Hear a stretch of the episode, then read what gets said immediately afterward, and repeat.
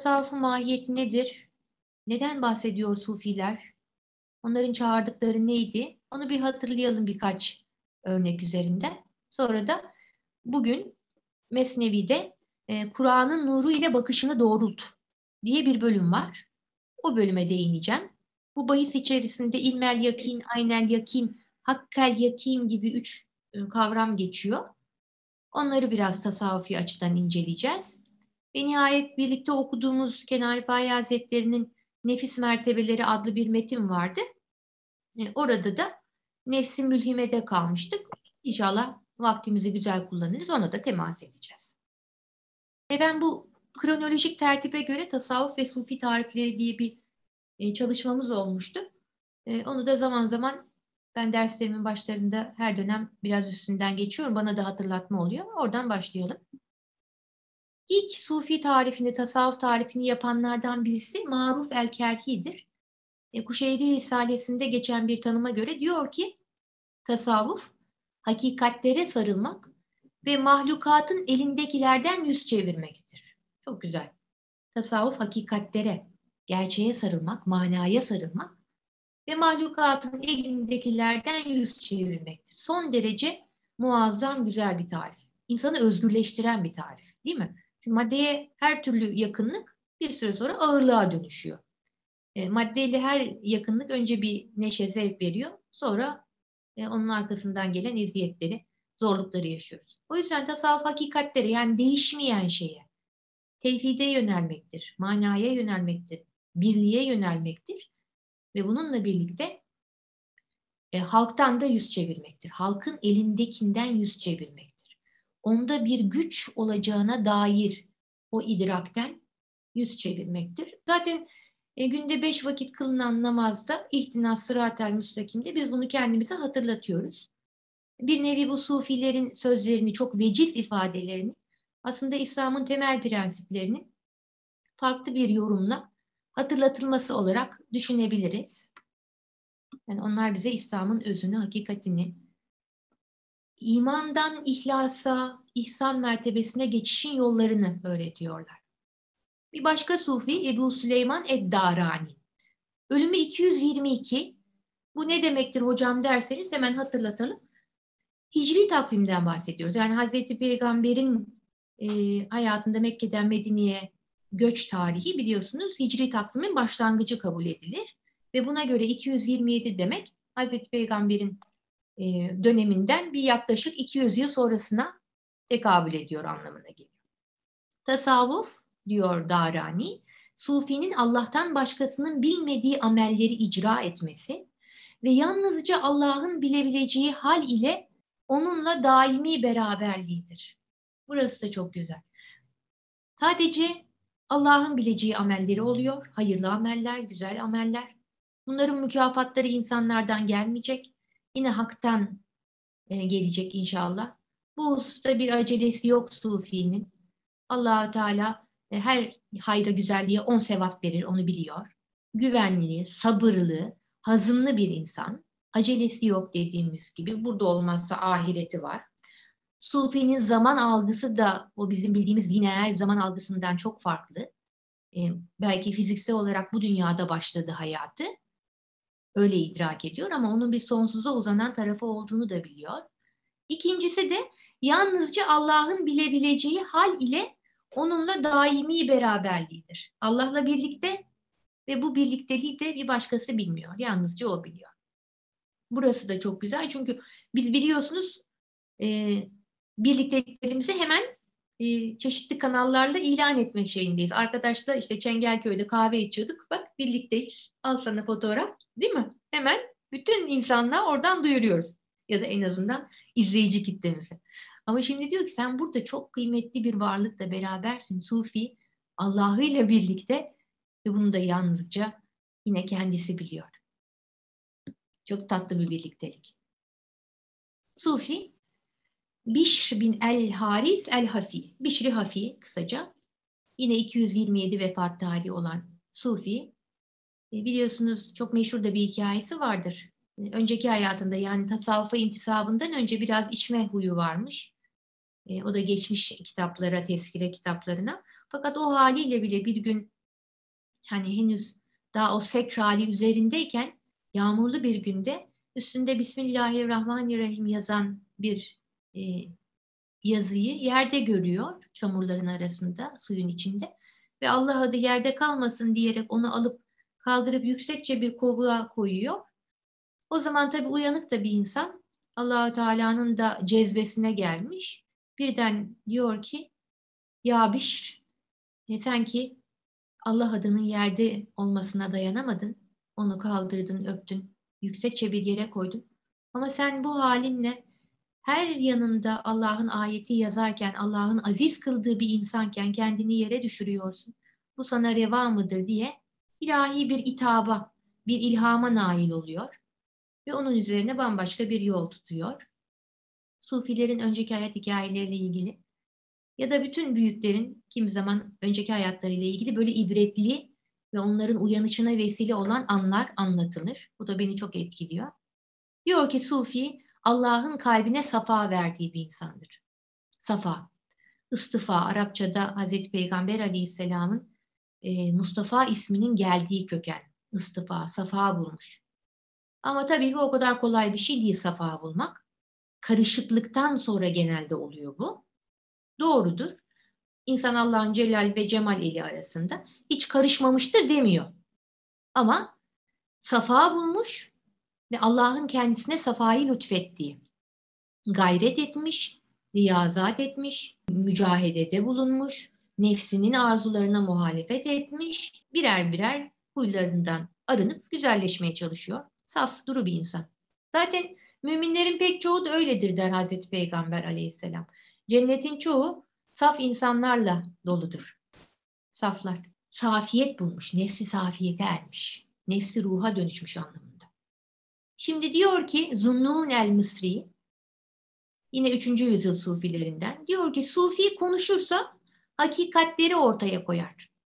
Sustuğunda organları onun adına konuşur, uzuvları onun adına konuşur.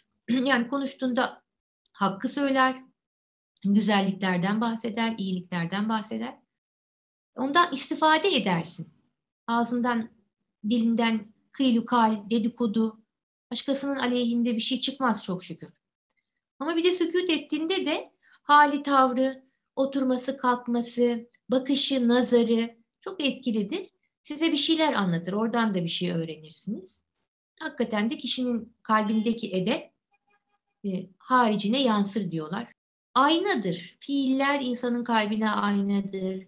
Sözler insanın kalbine bir aynadır. Olduğu gibi oradan o insan hakkında bir şeyler edinirsiniz. E, allah Teala nasip etsin tabii ki. Başta dili bir kurtarmak lazım. Yani yapabileceğimiz ne? Hani edebin bütünüyle bizden taşmasını temin etmek hani o büyük bir iddia olur. Olduğu kadar. Ama sözlere en azından hakim olabileceğimizi düşünüyorsak Üç söyleyeceksek iki söyleyelim. Gerek, gerekmiyorsa konuşmayalım. Gerekli olduğu kadar konuştuğumuzda kaniysek artık orada duralım gibi. Bu her hususta geçerlidir. Günlük konuşmalarda da nasihat konusunda da. İşte bu beni çok mutlu ediyor. Ebu Turaben Nahşebi diyor ki ilk dönem sufilerinden yine Sufi hiçbir şeyin kendisini üzmediği, ve her şeyin onunla safa bulduğu kimsedir. Çok harika. Sufi hiçbir şeyin kendisini üzmediği, bulandırmadığı, karıştırmadığı ve her şeyin onunla safa bulduğu kimsedir. Hazreti Peygamber Aleyhisselam'ın hani bir sözü var diyor ya, mümin her halükarda nasipli kimsedir. Çünkü hayatta iki hal vardır. Ya zorluk ya güzellik. Mümin bir zorlukla karşılaşırsa sabreder. Bu Allah'tandır der. Bu onun için bir nasiptir. Ve ikincisi de bir güzellikle karşılaşırsa bu bana Allah'ımdan bir lütuftur, ikramdır der. Ve yine Allah ile irtibat kurar. Yani mümin her halükarda her şeyi, her tecrübeyi Allah'la irtibat ve yakınlık için bir vesile bilir. Ama her hal onun için güzeldir. Yine bugün bahsediyorduk. Bir dervişin derdi bir başka dervişle karşılaşıncaya kadardır. Değil mi? Üzgün, yaşadığı hadiselerden bezgin bir insan mesela bir dervişe rast gelse o karşılaştığı kimse hemen onu uyarır. Der ki ey kardeşim sen hani bununla üzülecek, yıkılacak insan mısın? Düşün ki bunun arkasından bak ne güzellikler gelecektir. Şimdi azıcık şuna sabret. E, evelallah gün doğmadan neler doğar? Allah kerim der ve o karşısında yaşadığı tecrübenin altında kalmış insanı birdenbire hakla buluşturur, hakikatle buluşturur. Ona sabrı ve hakkı tavsiye eder. Böylelikle onun üzüntüsünü bir anda neşeye, mutluluğa çevirir. Böyledir. Kendisi üzülmediği gibi Sufi, üzüntü halinde olan insanları da neşelendirir, kaldırır. Böyle olmak lazım. Ben her halükarda hep özgür bir ruh görüyorum. Sufi hadiselerin tesirinde kalmıyor. Ee, yaşadığı tecrübelerin altında ezilmiyor. Gerek hayır gerek şer karşılaştığı ve tecrübe ettiği şeylerin hiçbirisine bağlanmıyor. Öyledir. İnsan bir zorluk yaşar, o zorluğu çok sever. Bir de böyle bir durum var. Ona da ondan da bahsetmeli. İnsan bir zorlukla karşılaşır, o zorluğu çok sever. Onu anlatmayı bir meslek edinebilir. Onunla ayrıcalıklı olmak, değil mi? İnsanlar arasında o hüznüyle, acısıyla ayrıcalıklı olmak pek çok insanın hikayesi büyük bir başarı ya da büyük bir kazanç hikayesinin arkasından kesintiye uğrar. Yolculukta, yolda kalır. Neden? E çünkü çok neşeli bir durum da insanı birdenbire andan uzaklaştırabilir. Yaşadığı o güzel hadisenin tesirinde uzun zaman kalabilir ve yeni tecellileri kaçırabilir. Tasavvuf edepten ibarettir diyor.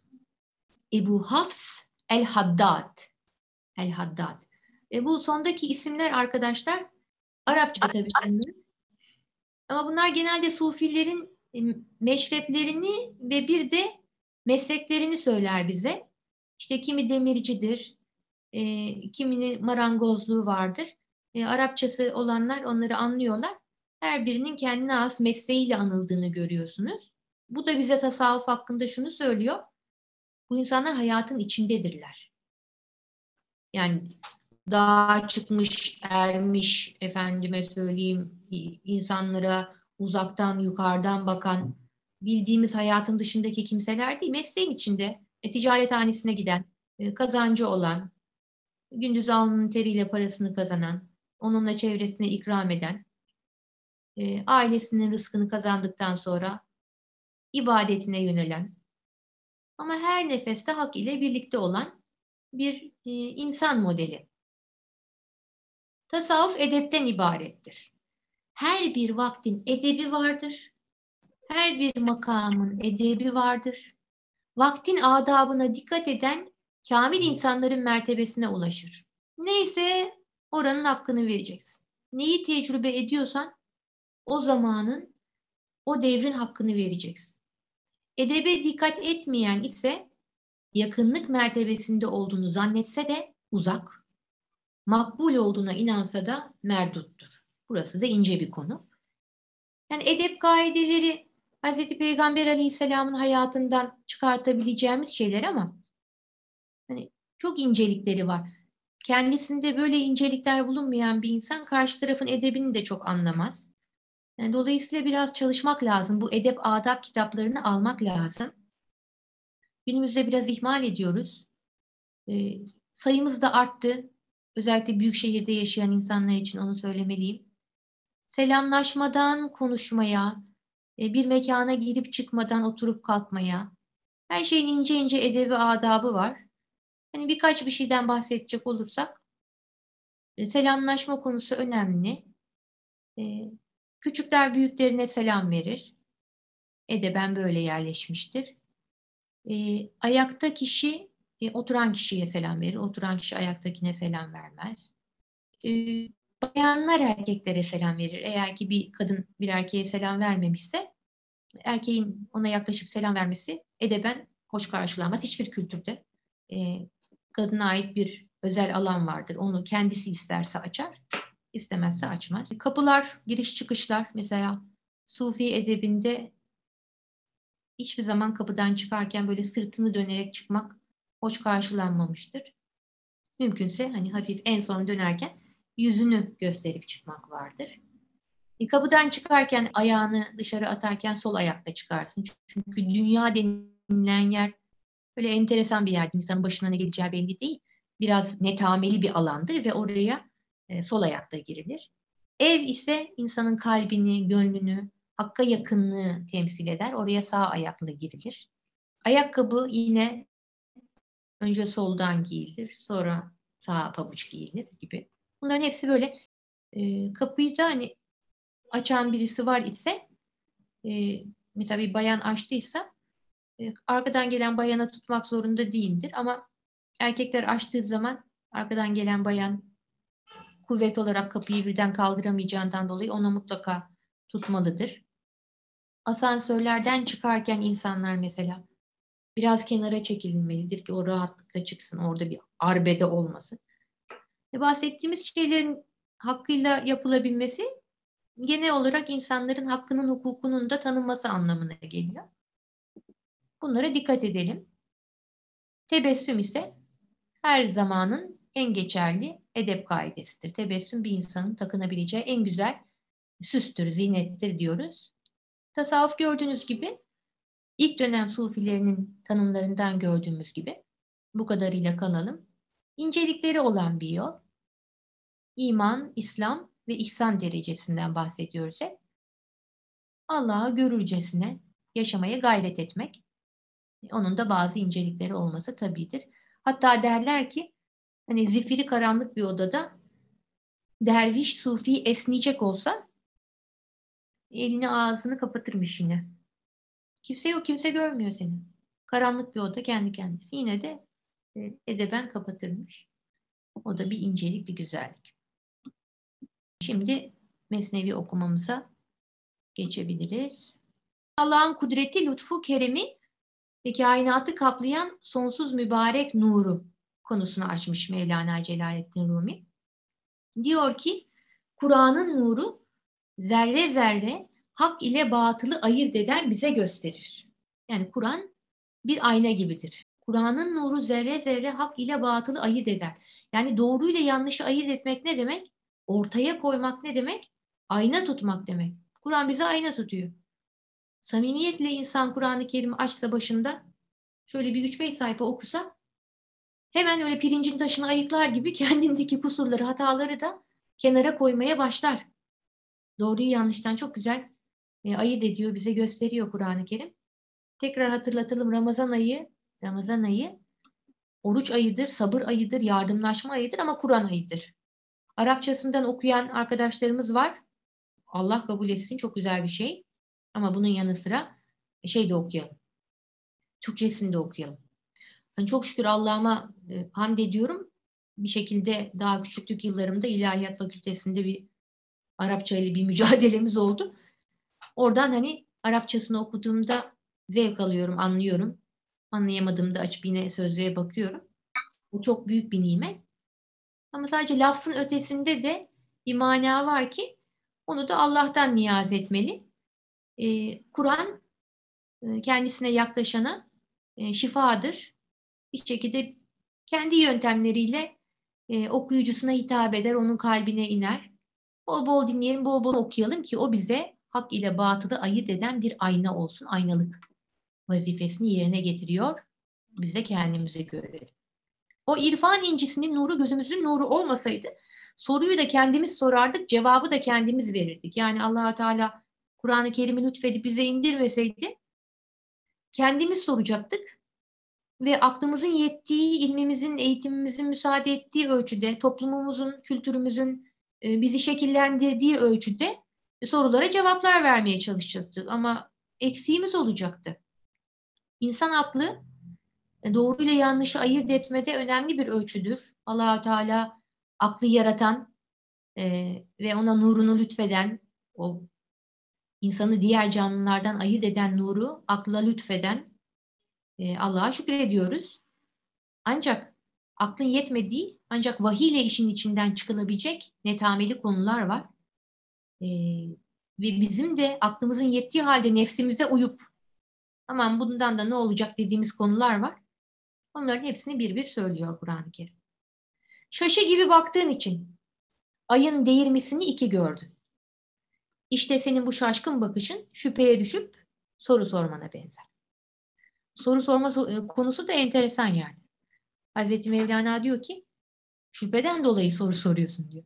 Başka yerde de soru diyor e, kamilin manasını açar. Sorman iyidir. Sen sor ki ondaki o mana coşsun. O pınar birdenbire bir baş bulsun sana mana suyu aksın. Böyle dediği de var. Bir de gözündeki ikilikten dolayı olayı başka görüyorsun. Ve tutup değişik değişik sorular soruyorsun diyor. Bakışını doğrult da hakikat ayına, ay ışığına öyle Onu tek göresin. Hazreti Mevlana'nın bütün meselesi tevhidi görmemiz. Eşyanın çokluğu senin kafanı karıştırmasın diyor. Hakikatte nur tektir.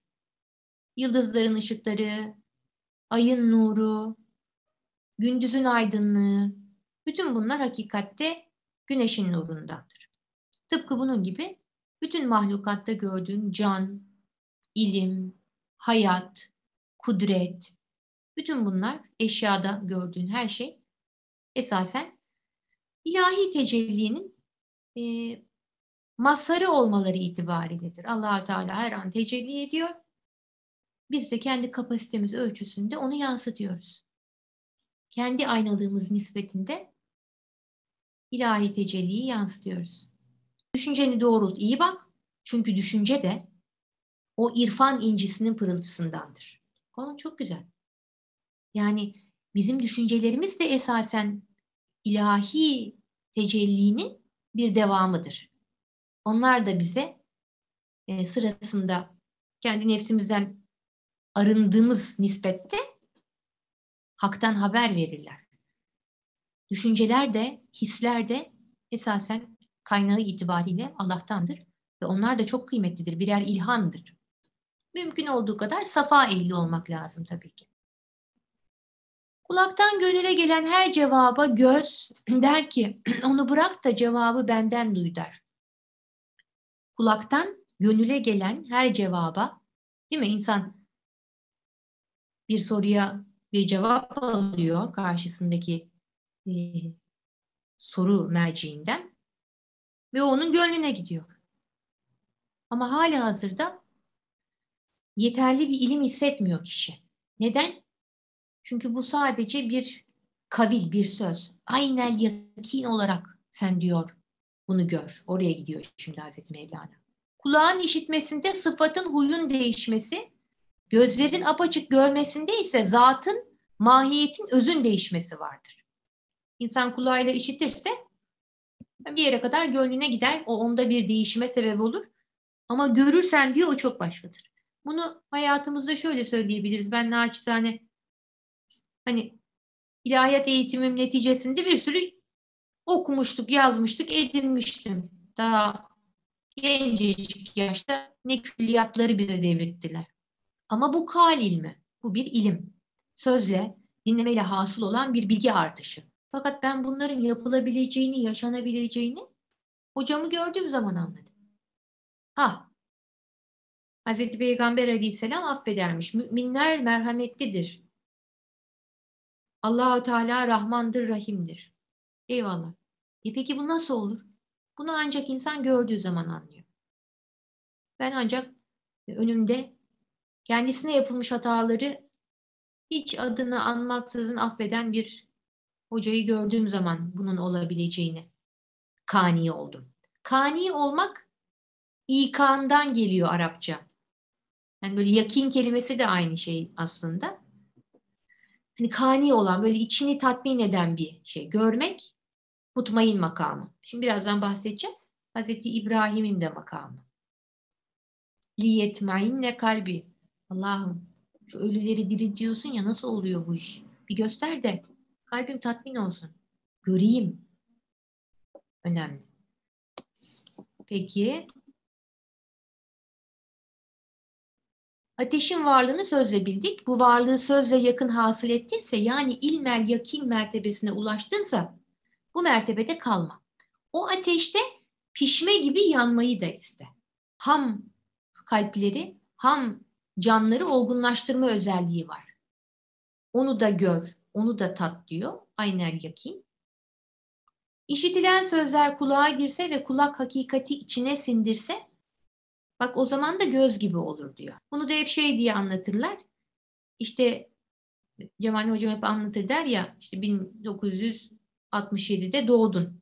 Kişi diyor ki kaç hangi hangi yıl doğdun? Diyor 1967'de doğdum. E nereden biliyorsun? Nereden biliyorsun? 1967'de sen oradaydın da doğduğunu mu gördün? Yok. Bunu çok söylediler. O sende bir yakin hasıl etti. Kesin böyle. Yahut hiç gitmedin e, diyelim New York'a. Orada bir New York var biliyorsun. Bir ülke, bir şehir, bir halk, bir yaşam. Hiç gitmedin ama o kadar çok söylendi ki artık o sende kesin hissi uyandırdı. O tatmini verdi. Dinlemenin faydası yani buradan şu oluyor. Şuna geliyoruz. İnsan dinledikçe onlar onda hal etmeye başlıyor. Başlıyor. Hayırlı şeyler duya duya duya bu böyle oluyor. Hazreti Peygamber Aleyhisselam'ın meşhur o hadisinde söylediği gibi hani kişi doğru doğrularla birlikte ola ola doğru şeyleri yapa yapa doğruları söyleye söyleye sıddık makamına gelir. Doğrulayıcı, tasdik edici. Dolayısıyla hep hayırlı güzel işlerin içinde olmalı. Onlar insanın içine işiterek, bir ileri derecede görerek sinmeye başlıyor. En önemlisi de öğrenmenin en güzel yöntemi de bu sinmesi. Gerçekten öyle. Yani bir konuyu akşamdan okuyun çalışın. Ertesi gün sınavına girin. Hani 60-70 alırsınız ben size söyleyeyim. Ama kapatın onu. Kapatın onu. Sizi 3 ay sonra sınav yapsınlar. 20-30 alırsınız. 100 üzerinden. Buradan demek istediğim şey şu. Tekrar işitmek, duymak, güzel şeyleri defalarca duymak.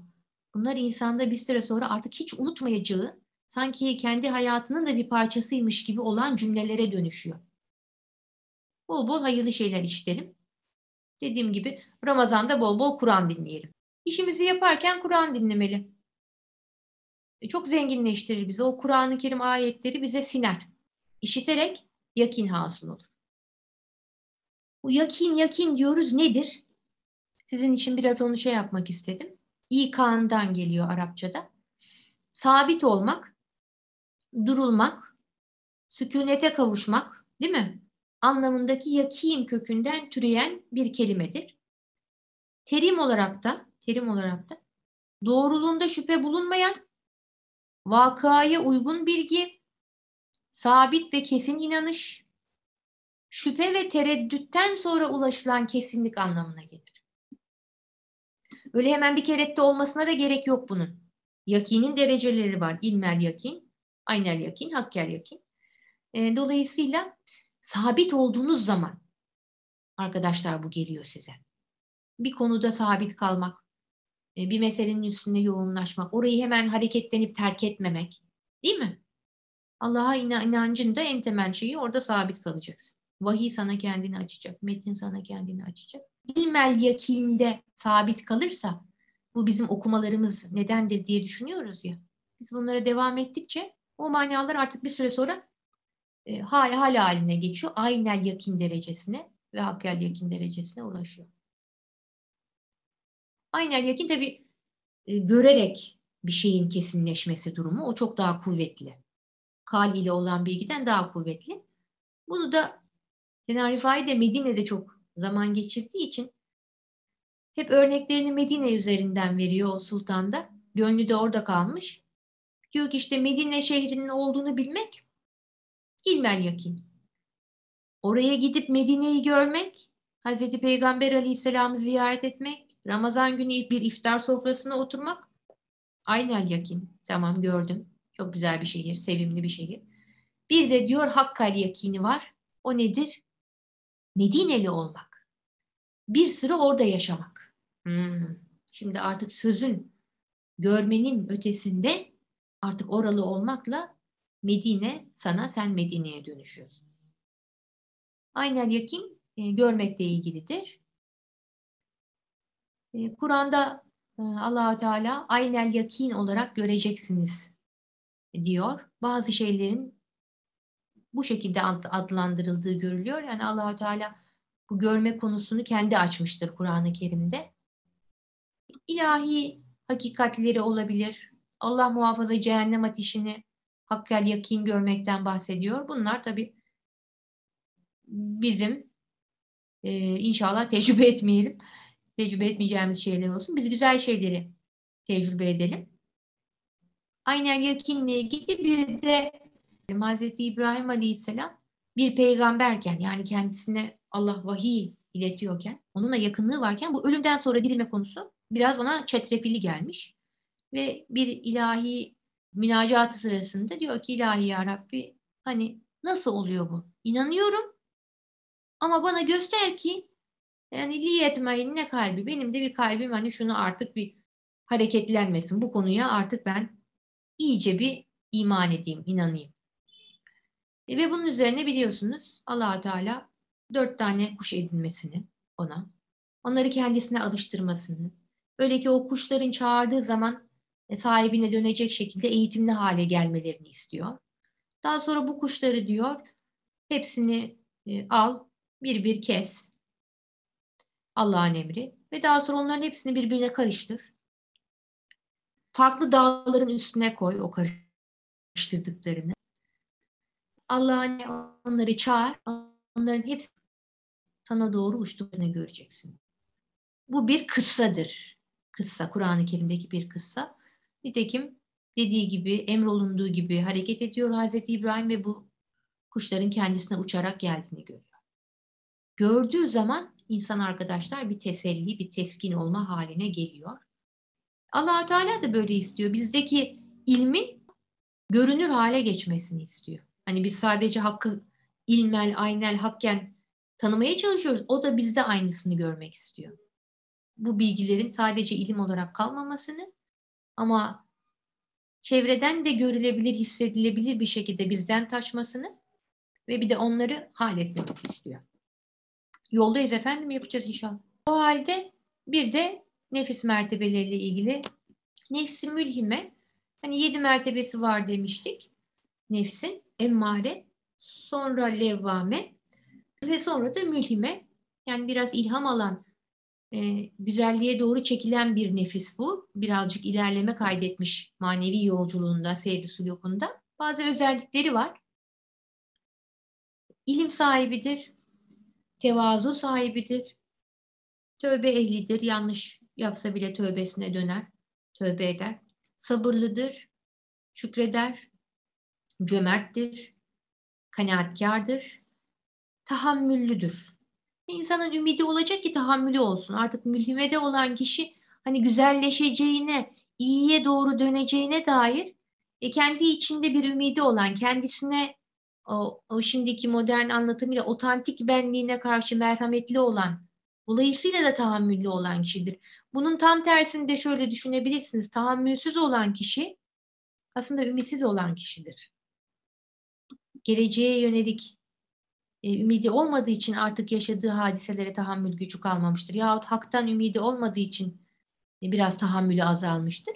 E, öyle bir durumda kendinizi yakalarsanız genel olarak her şeyi bir durdurup tekrar o iç dengenizi, ahenginizi buluncaya kadar biraz istirahat etmekte fayda var.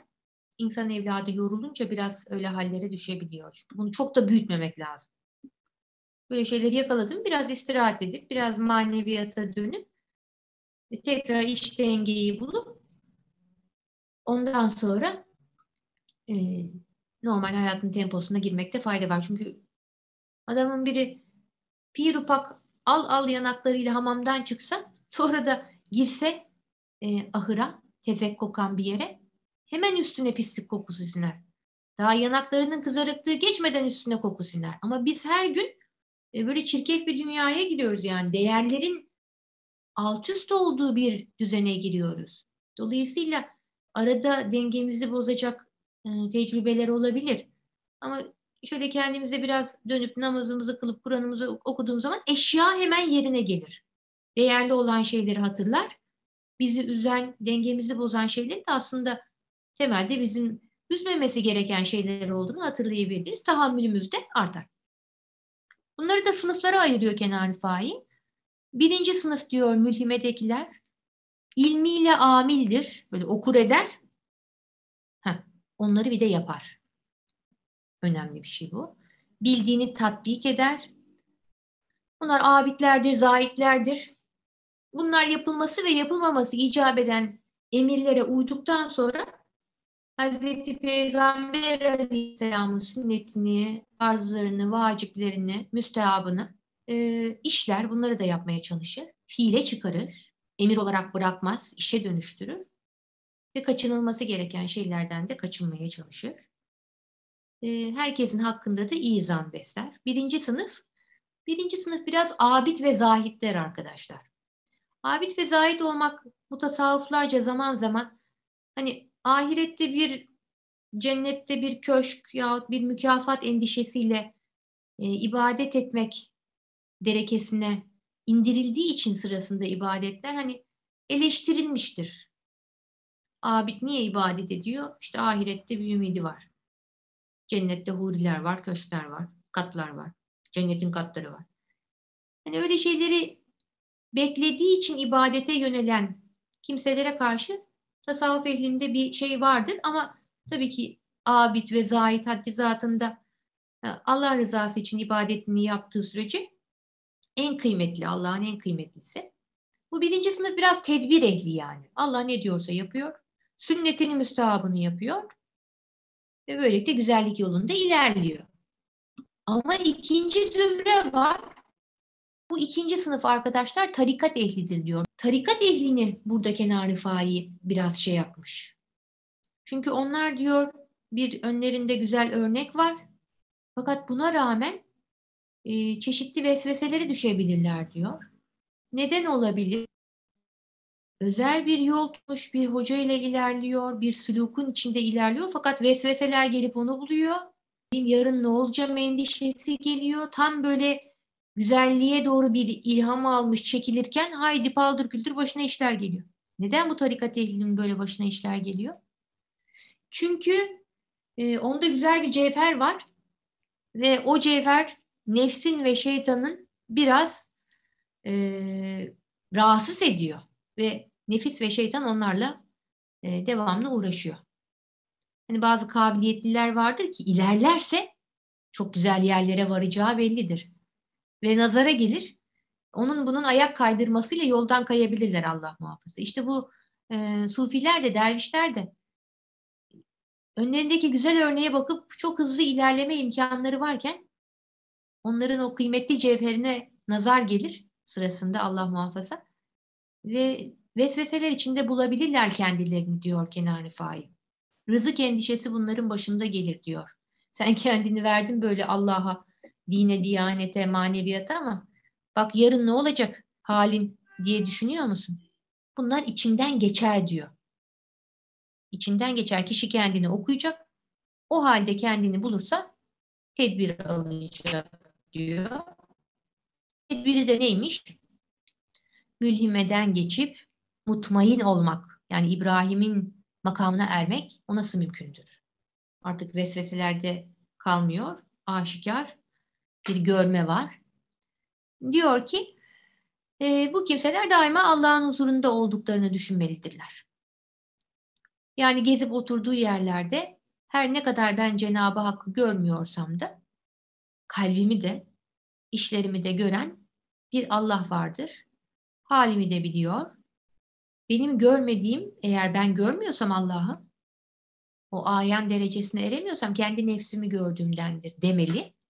Ve daima huşu ile kalbine nazar ederek Allah'ın huzurunda durmak lazımdır. Buranın zikri de buranın zikri de hu. Hu lafzasıyla bu dereceyi aşar diyor. Zaten çok detayına girmiyor. Son zamanlarda ben de e, büyüklerden hep onu duyuyorum. Eskiden tabii bu tarikatlerin çok aktif olduğu, tekkelerin açık olduğu dönemde e, mürşitler öğrencileriyle çok yakından ilgileniyorlardı. Ve onların o konuşmalarına, şeylerine, sözlerine bakarak hangi mertebede olduklarını görüyor. Mesela rızık endişesi olan bir kimseye ya rezzak çektiriyordu. Efendime söyleyeyim e, işte e, birazcık çekingen tabii yaptı birisine e, ya kadir çektiriyorlardı. e, şifaya ihtiyacı, maddi manevi şifaya ihtiyacı olana şafi veriyorlar. Ama şimdilerde öyle bir sistem olmadığı için genelde bu yedi tavır tavsiye ediliyor. Ben hemen bütün e, Sufi meclislerinde bunu duydum.